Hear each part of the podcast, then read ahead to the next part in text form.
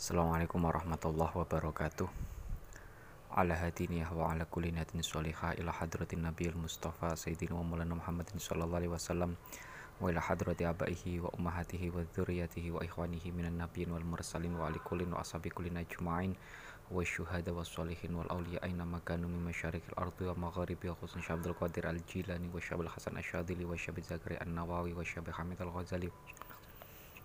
Syashar biyadallahu kunujati syamataman Auliyati sabil jawi radhiyallahu anhu ma'adallahu lina min barakati makaromati wa syafaatihim wa ila hadrati abaina wa ummahatina wa asdatina wa jaddatina wa khawalina wa khalatina wa syekhina khusun syamali fil kutub alati ta'alamna wa 'allamnaha Nabi Allah Khidir alaihi salam syekhuna Khalil Bangkalan syasya masyarif Syabdul Karim Syekh Marzuki Talan Syekh Mursali Syekh Marzuki Mahfudin Qasim wal ahad jamil muslimin wal muslimat wal mu'minin wal mu'minat salah ya minhum wal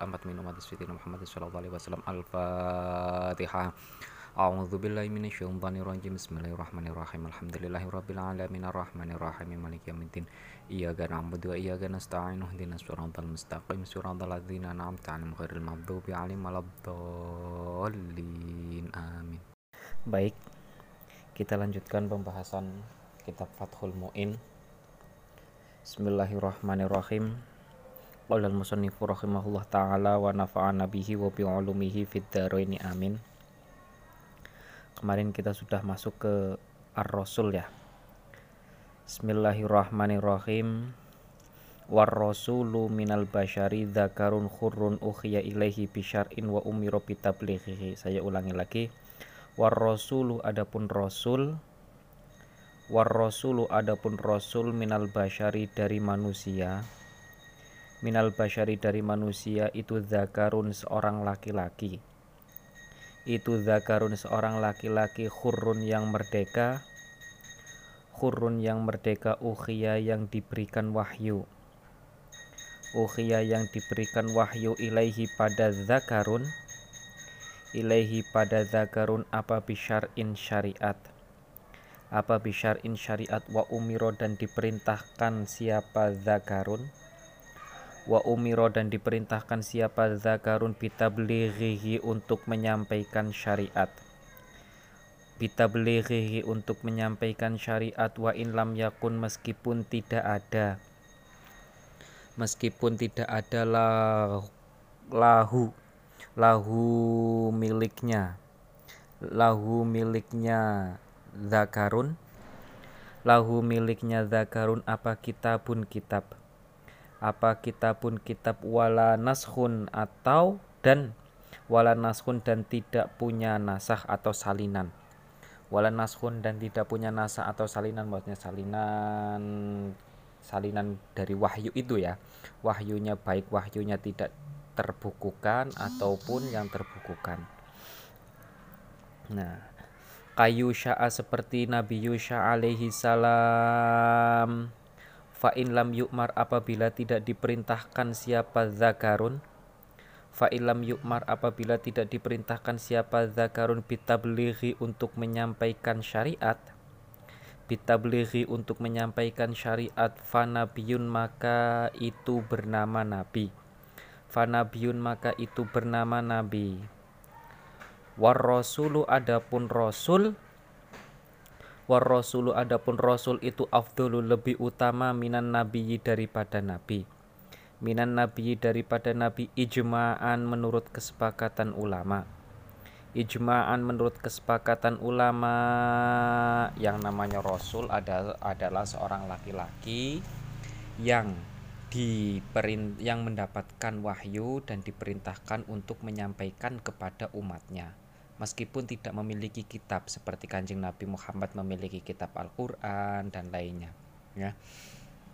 Nah, yang penting ketika mendapatkan wahyu dan diperintahkan untuk menyampaikan syariat itu namanya ros rasul. Apabila tidak menda apa tidak diperintahkan untuk menyampaikan syariat namanya na nabi. Jadi barometernya bukan memiliki kitab atau tidak. Barometernya adalah mendapatkan wahyu dan men, dan diperintahkan untuk menyampaikan atau tidak. Kalau menyampaikan diperintahkan untuk menyampaikan makanya namanya rasul, kalau tidak diperintahkan untuk menyampaikan namanya na nabi. Wasoha dan benar. wasoha dan benar apa khobaru inna adadal ambiyai hadis inna adadal ambiya inna adadal ambiyai inna adadal ambiyai sesungguhnya jumlah para nabi Inna adadal ambiyai sesungguhnya jumlah para nabi alaihi musallatu wassalam itu mi'atu alfin. Itu mi'atu alfin wa arbaatun wa isyruna alfan. Berjumlah seratus ribu seratus dua puluh empat ribu. Mi'atu alfin wa arbaatun wa isyruna alfan seratus dua puluh empat ribu. Ada hadis yang menyatakan bahwa apa jumlah para nabi adalah seratus dua puluh empat ribu. Wa inna ada rusuli dan sesungguhnya jumlah para rasul dan sesungguhnya jumlah para rasul itu salah sumiatin wa khamsata wa khamsatu asyara. Berjumlah 315 itu berjumlah 315 ada yang mengatakan dan ada dan ada penjelasan yang mengatakan bahwa jumlah para rasul adalah 100 apa 315 315 nah tapi yang pasti jumlah para rasul itu tidak ada yang tahu pastinya ya.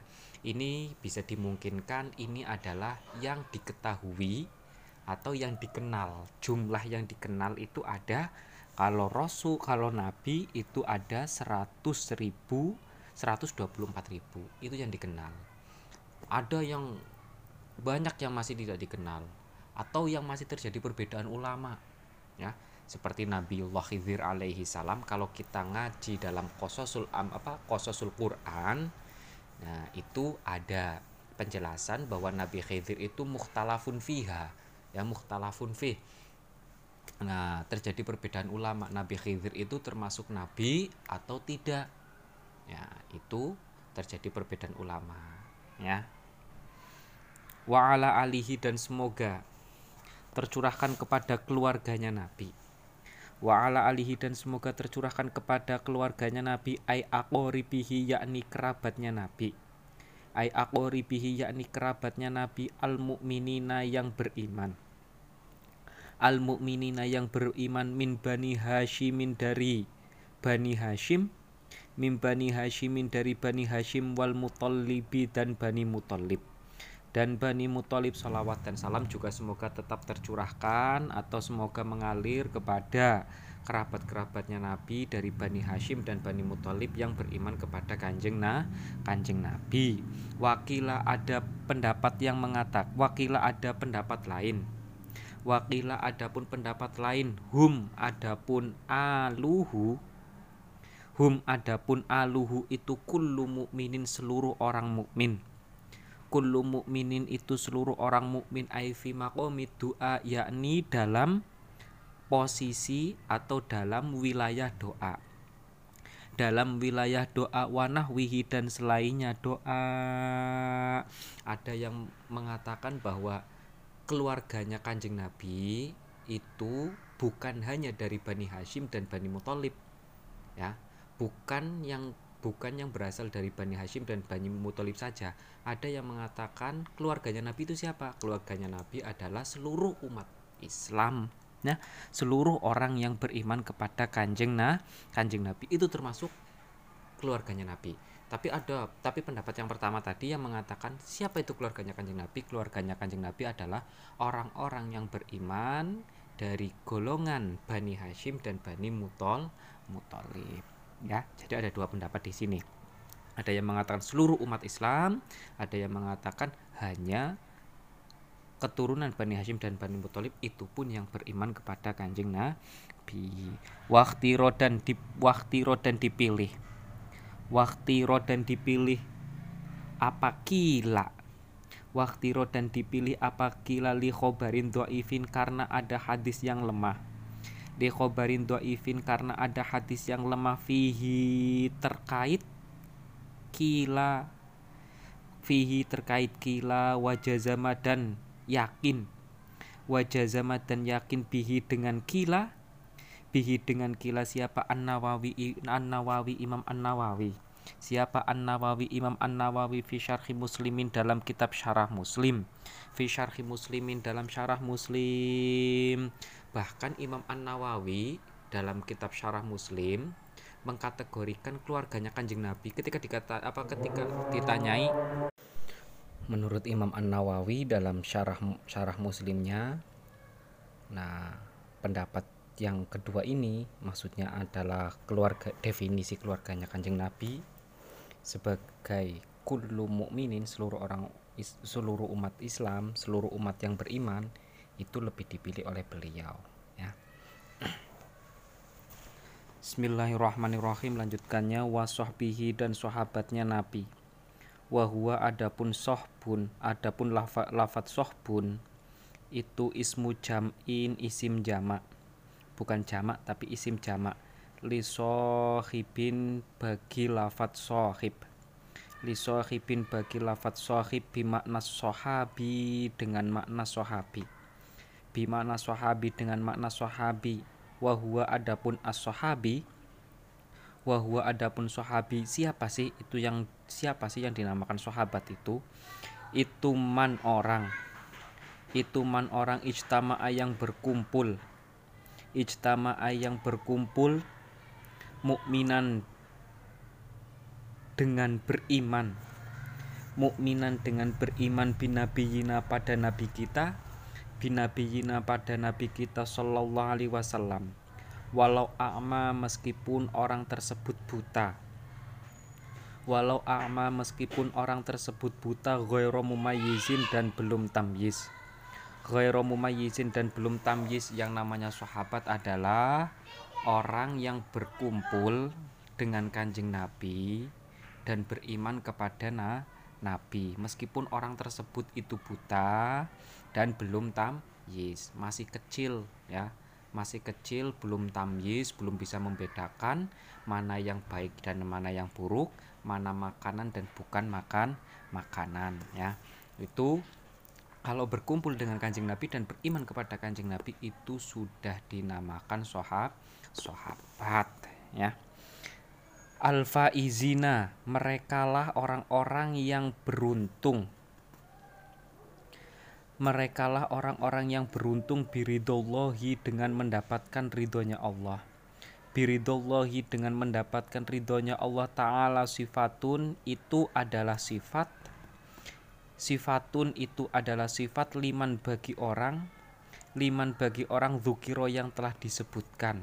Zukiro yang telah disebutkan alfa izin orang-orang yang beruntung itu siapa? Ini adalah sifat bagi yang sudah disebutkan di atas yaitu keluarganya Kanjeng Nabi dan sahabatnya Kanjeng nah Kanjeng Nabi. Keluarganya Kanjeng Nabi siapa? Ada yang mengatakan dari Bani Hashim dan Bani Muthalib, ada yang mengatakan kullu mukminin seluruh umat Islam, seluruh orang yang beriman kepada Kanjeng nah Kanjeng Nabi. Berarti seluruh umat yang beriman kepada Kanjeng Nabi adalah orang-orang yang beruntung yang mendapatkan ridhonya Allah dan para sahabatnya Kanjeng Nabi. Wa ai ba'dama yakni setelah mengucap apa ai ba'dama setelah eh, setelah keterangan.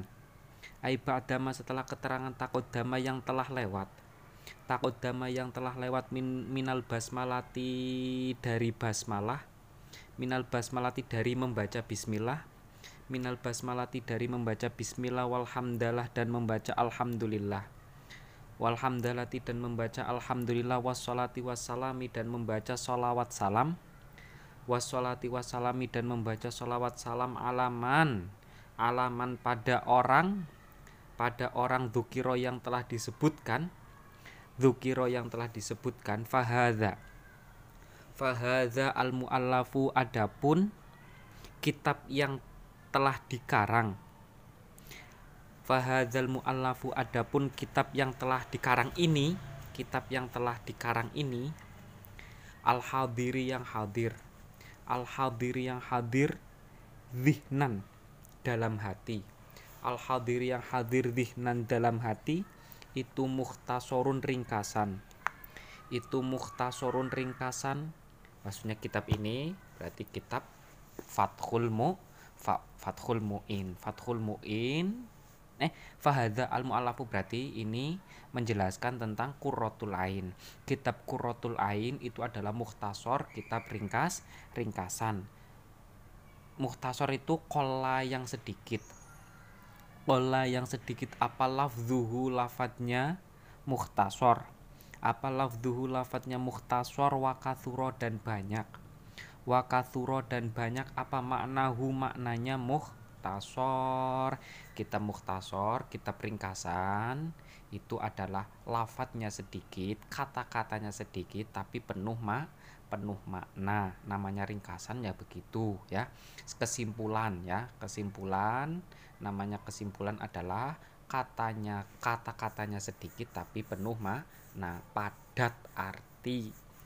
Minal ikhtisori dari masdar al ikhtisor. Nah, mukhtasorun itu adalah masdarnya ikhtisor ikhtasoro yahtasiru ikhtisoron wa muhtasoron fahuwa muhtasirun fil fikhi dalam bidang fikih fil fikhi dalam bidang fikih kurotul ain adalah kitab muhtasor dalam bidang fikih apa itu fikih wahwa adapun fikih wahwa adapun fikih luhotan secara bahasa.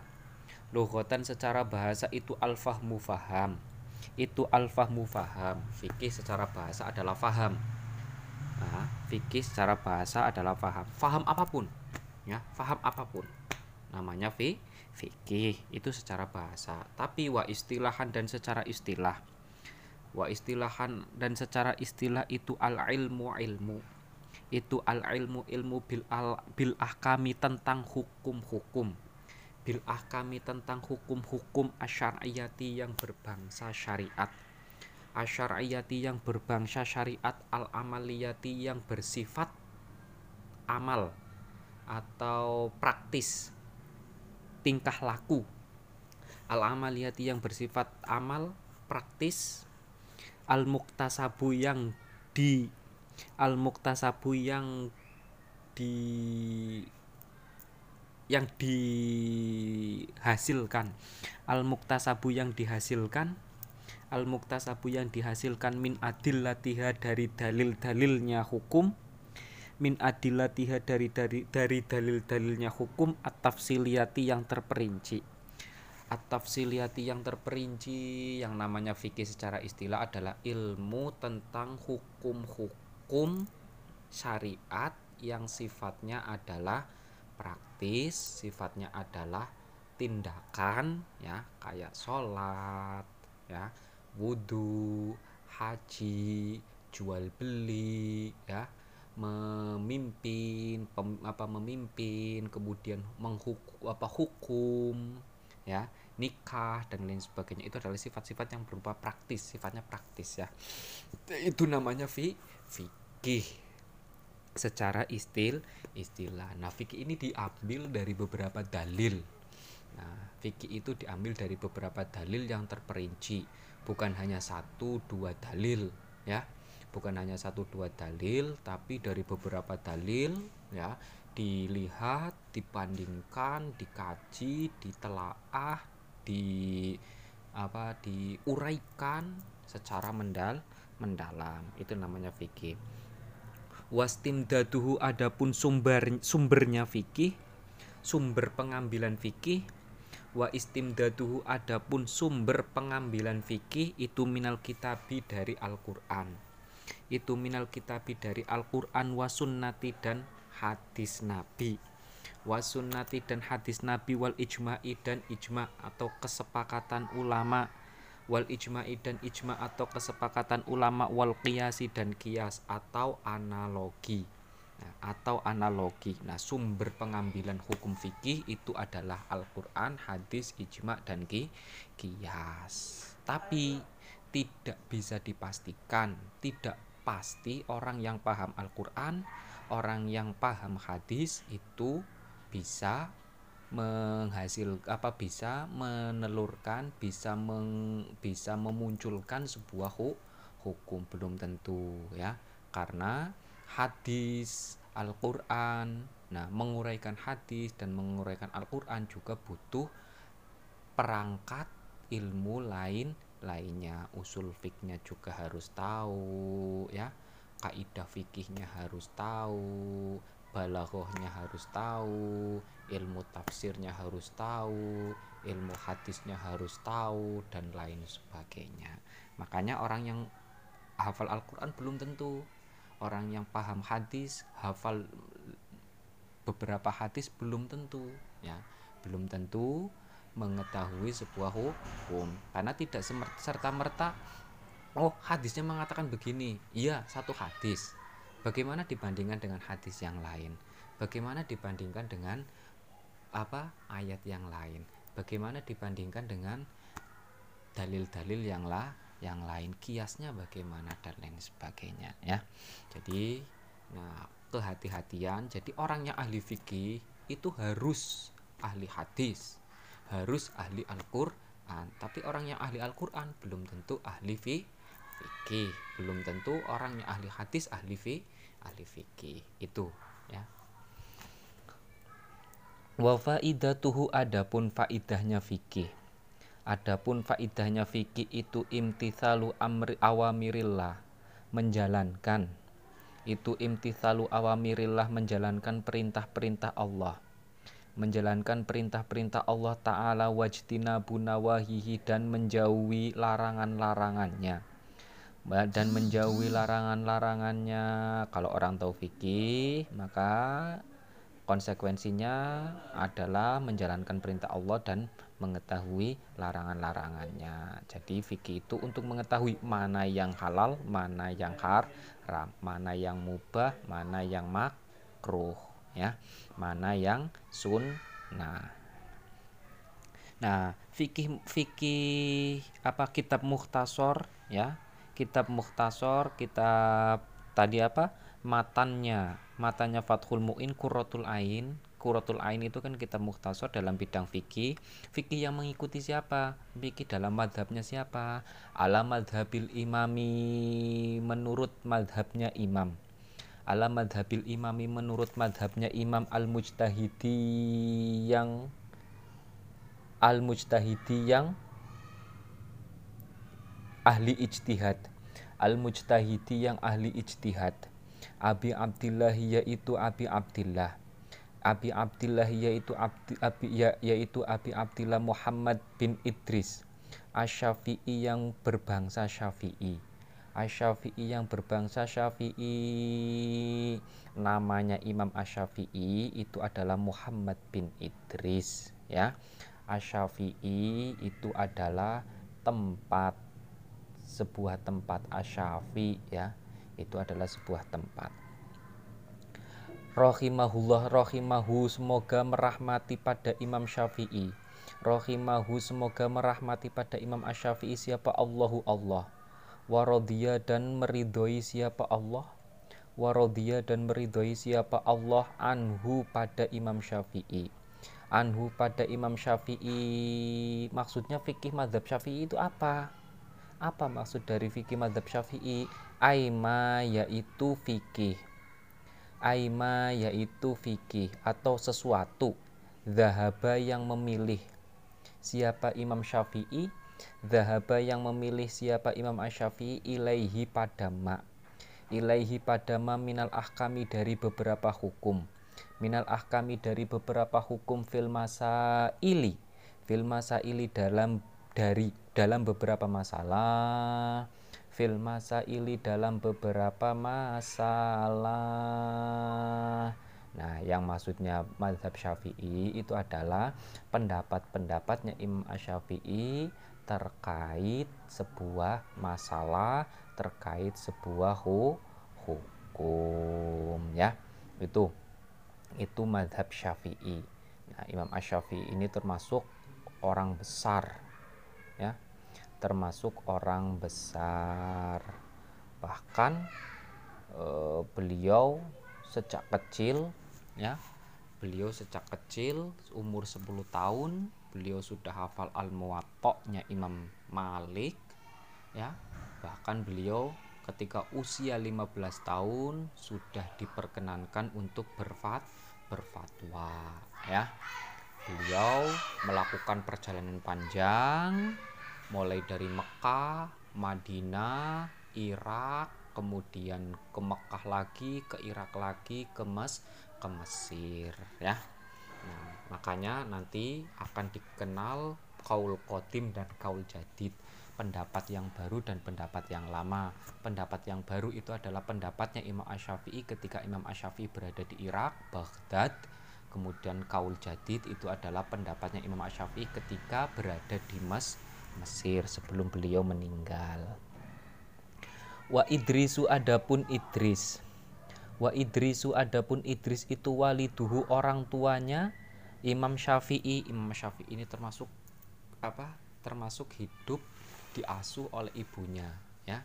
Karena ayahnya sudah meninggal terlebih dahulu. Berarti Imam Syafi'i itu adalah yatim ya.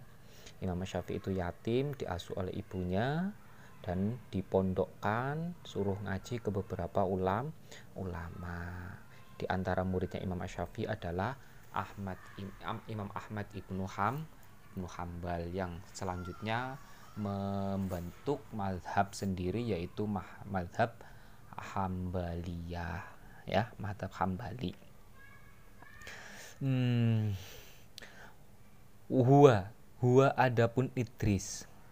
Huwa adapun Idris itu ibnu Abbasi bin ibnu Abbasin. Idris itu adalah ayahnya Imam Syafi'i ya. Namanya itu adalah nama lengkapnya adalah Ibnu Abbas bin Uthman bin Syafi' bin Sa'ib bin Ubaidin bin Ubaid bin Abdul Yazid bin Hashim bin Muthalib bin Abdima Manaf. Ya itu nama nama lengkapnya. Nah beliau berarti Imam Asyafi adalah keturunan dari Abdul Manaf. Salah satu salah satu keturunan apa salah satu nenek moyangnya kanjeng Nabi Ju juga. Tapi tapi Imam Syafi'i tidak masuk apa tidak apa tidak satu jalur tidak tidak melalui jalurnya kanjeng Nabi tapi ketemu dengan kanjeng Nabi di pam apa di kakeknya yaitu Abduma Manaf. Wa syafi'un adapun syafi. Wa syafi'un ad, adapun syafi huwa adapun huwa alladzi adalah sesuatu huwa adalah sesu huwa alladzi adalah sesuatu yun sabu yang disandarkan. Yun sabu yang disandarkan ilaihi pada ilaihi pada alladhi yunsabu yang disandarkan ilaihi pada alladhi siapa? Al imamu imam syafi'i. Uh, siapa? Al imamu imam syafi'i. Nah tadi sudah disebutkan namanya nama imam syafi'i adalah Muhammad bin Idris. Namanya Muhammad Idris adalah ayah. Ayahnya jadi Muhammad putranya Idris.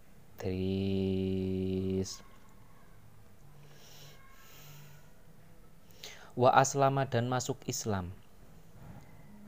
Wa aslama dan masuk Islam siapa? Siapa ini fa'ilnya? Wa aslama dan masuk Islam siapa? Syafi. Oh Syafi ini adalah itu ya kakeknya ayahnya Imam Syafi'i kakeknya ayahnya Imam Syafi'i itu namanya Syafi' Wa aslama dan masuk Islam siapa Syafi. Wa aslama dan masuk Islam siapa Syafi. Wa hu, huwa huwa ya Syafi. Huwa ya Syafi wa abuhu dan ayahnya Syafi. Wa abuhu dan ayahnya Syafi. Wa abuhu dan ayahnya Syafi asa ibu yaitu Saib. Asa ibu yaitu Saib yauma badrin pada hari perang Badar. Yauma Badrin pada hari perang Badar, Imam Syafi apa Syafi dan ayahnya yaitu Saib masuk Islam pada waktu perang ba Badar. Berarti masih hidupnya Kanjeng Nabi, awal-awal Kanjeng Nabi berada di Madin, Madinah. Setelah Nabi hij, hijrah ya. Wa wulida dan dilahirkan. Wawulida dan dilahirkan siapa? Imamuna imam kita. Maksudnya Imam Syafi'i. Siapa imamuna imam imam kita? Maksudnya Imam Syafi'i radhiyallahu anhu. Sanata khomsina pada tahun 50 sanata khomsina wa mi'atin pada tahun 150 sanata khomsina wa mi'atin pada tahun 150 watuwufia dan meninggal siapa imamuna? Watuwufia dan meninggal siapa imamuna fiyaumil jum fiyaumil jumu'ati pada hari Jumat?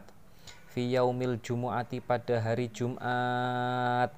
Sal khorojaba pada akhir bulan Rojab sal khorojaba pada akhir bulan Rojab sanata arba'in wa, wa mi'ataini pada tahun 204 pada tahun 204 Imam Syafi'i meninggal pada tahun 204 Hijriah, lahir pada 150 Hijri Hijriah. Berarti usianya adalah 54. Imam Syafi'i usianya 54 ya. Wasama itu dan saya menamai. Wasama itu dan saya menamai hu pada muhtasor hu pada muhtasor bikurotil aini dengan nama kurotil ain. Bikurotil aini dengan nama kurotil ain. Yub. Bibayani. Apa ya ba ya. Ba ya ya. Ba ya ya. Oh ya. Bibayani muhimmati, bibayani muhimmati ahkamidini yang menjelaskan bibayani muhim bibayani muhimmati ahkamidini yang menjelaskan uh, hukum-hukum apa? hukum-hukum agama yang penting. Bibayani muhimmati ahkamidini yang menjelaskan hukum-hukum agama yang penting. Nah, mas, karena Kenapa? Apa karena kitab Quratul Ain itu adalah kitab kecil, lafadznya sedikit, tapi maknanya penuh, makanya yang dipilih karena penjelasannya sedikit yang dipilih adalah yang penting pen, penting. Tuhu saya memilih. tuhu saya memilih pada muhtasor. tuhu saya memilih pada muhtasor wahada syarha dan kitab syarah ini maksudnya apa e, Fathul Muin wahada syar'at dan kitab syarah ini minal kutubi dari beberapa kitab minal kutubi dari beberapa kitab al mu'tamadati yang e, yang bisa dipertanggungjawabkan al mu'tamadati yang bisa dipertanggungjawabkan sumbernya sumber penjelasan penjelasan baik dalam kitab Fathul Muin maupun dalam kitab Qurratul Ain adalah kitab-kitab referensi-referensi yang dapat dipertanggungjawabkan dan terpercaya. Ya, siapa saja li miliknya guru kita. li syaikhina miliknya guru kita khatimatil muhakkikina yang menjadi. Akhirnya akhirnya khotimatil muhakikina yang menjadi akhirnya pakarnya para ahli. Khotimatil muhakikina yang menjadi akhirnya pakarnya para ahli Syihabuddin yaitu Syekh Syihabuddin. Syihabud Syihabuddin yaitu Syekh Syihabuddin Ahmad bin Ibni Hajar Al-Haytami. Namanya Ahmad bin Hajar Al Haytami Syihabuddin itu namanya isim la lakob ya. Syihabuddin Ahmad bin Hajar Al Haytami yaitu Syekh Syihabuddin Ahmad bin Hajar Al Haytami di antara yang menjadi referensinya Syekh Zainuddin Al Malaibari dalam menulis kitab Fathul Muin maupun menulis kitab Qurratul Ain adalah karyanya Syekh Ibnu Hajar Al Hayta Al Haytami wabaqiyatil mujtahidina dan mujtahid-mujtahid yang lainnya. Wabaqiyatil mujtahidina dan mujtahid-mujtahid yang lainnya. Mithlu wajihiddin Abdurrahman bin Ziyad Az-Zabiti uh, Az-Zabiti seperti Syekh Wajihuddin Abdurrahman bin Ziyad Az-Zabidi ini nama orang. Nah, Wajihuddin itu namanya alam lakob, nama julukan. Namanya Abdurrahman bin Ziyad Az-Zabidi. Wa syaikhi masyaikhina dan gurunya guru kita. Maksudnya gurunya Syekh Syihabuddin Ibnu Hajar Al-Haytami. Wa syaikhi dan gurunya guru kita Syekhul Islami yaitu gurunya orang Islam. Syekhul Islami yaitu gurunya orang Islam Al-Mujaddidi yang menjadi pembaharu. Al-Mujaddidi yang menjadi pembaharu Zakaria Al-Ansori yaitu Syekh Zakaria Al-Ansori.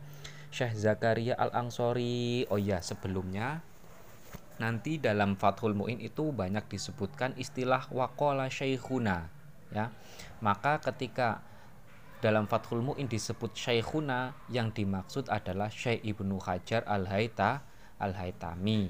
Nah, kalau disebutkan Syekhu Masyayikhina, nah Syekhu Syekhina nah, atau Syekhu Masyayikhina, maka yang dimaksud adalah Syekh Zakaria Al-Angso Al-Angsori ya. Ini beliau tokoh-tokoh yang tokoh-tokoh familiar dalam bidang fikih yang biasa menjadi rujukan terutama ketika kita mengkaji kitab-kitab fikih dalam madhabnya Imam Ash-Syafi'i Ash-Syafi'i wal imamul amjad dan imam yang agung. Wal imamul amjad dan imam yang agung Ahmad Muzajjad yaitu Syekh Ahmad Muzajjad Az-Zabidi uh, Ahmad Muzajjad Az-Zabidi rahimahullah taala. Wa ghairuhum nanti. Mithlu wajihidin wa ghairihim dan selainnya mereka semua. Wa ghairihim dan selainnya mereka semua min muhakkikil mutaakhirina dari ahli pakar ya dari pakar-pakar fikih periode akhir min min muhakkikil mutaakhirina dari pakar-pakar fikih periode akhir. Mu'tamidan. Mu'tamidan dengan perpegangan. Mu'tamidan dengan perpegangan alama pada alama pada sesuatu atau alama pada pendapat. Jazama yang yakin. Jazama yang yakin bihi pada ma jazama yang yakin bihi pada mas siapa syai siapa? Syaikhul madhabi dua gurunya madhab dua gurunya madhab al an nawawi yaitu imam an nawawi warrofi'i dan imam ar rafi'i warrofi'i dan imam ar rafi'i nah imam an nawawi imam ar rafi'i itu mas apa itu adalah tokoh besar ya. Mujtahidul madhab namanya ya.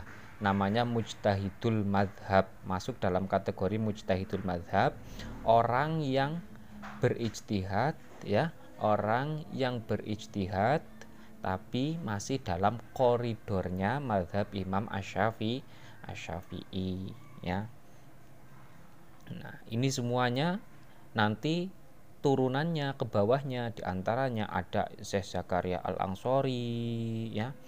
Syekh Zakaria Al Angsori juga merujuk kepada Imam An Nawawi ya. Kemudian Syekh Ibnu Hajar Al Haytami kemudian Imam Ar-Ramli Ar-Ramli Sohir ya.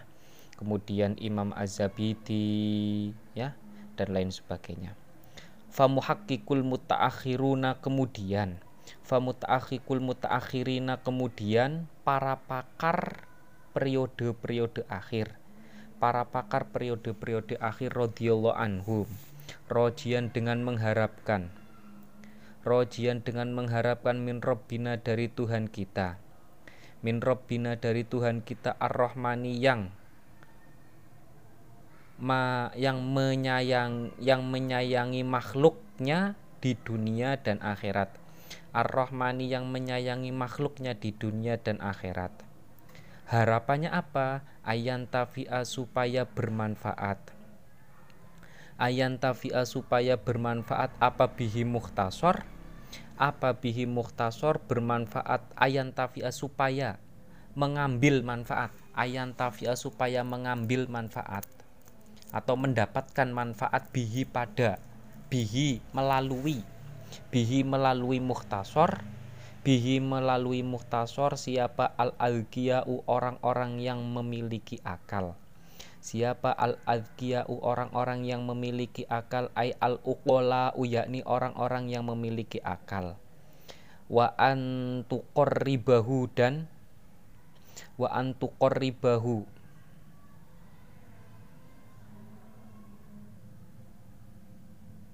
wa antukiro wa antakiro wa antakiro dan semoga tenang. Wa antakiro dan semoga tenang. Bihi sebab muhtasor bihi sebab muhtasor ai bisa babihi yakni sebab muhtasor yakni sebab muhtasor apa aini hati saya. Apa aini hati saya godan pada hari akhir Ghadan pada hari akhir maksudnya hari kiamat ay al yaumal akhiri yakni pada hari akhir. Tenang bin dengan melihat. Dengan bisa melihat. Bin dengan bisa melihat ila wajhi pada zatnya Allah. Ala wajhi ila wajhi pada zatnya Allah al karimi yang mulia. Al karimi yang mulia bukrotan baik waktu pagi bukrotan baik waktu pagi wa asyian dan waktu sore. Amin. Ay istajib lana. Semoga Allah mengabulkan doa kita.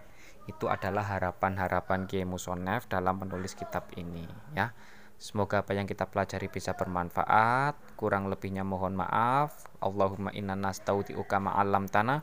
Fardut ilaina indah hajatina ilaihi ya rabbal alamin. Kurang lebihnya mohon maaf. Bila taufik wal hidayah. Wassalamualaikum warahmatullahi wabarakatuh.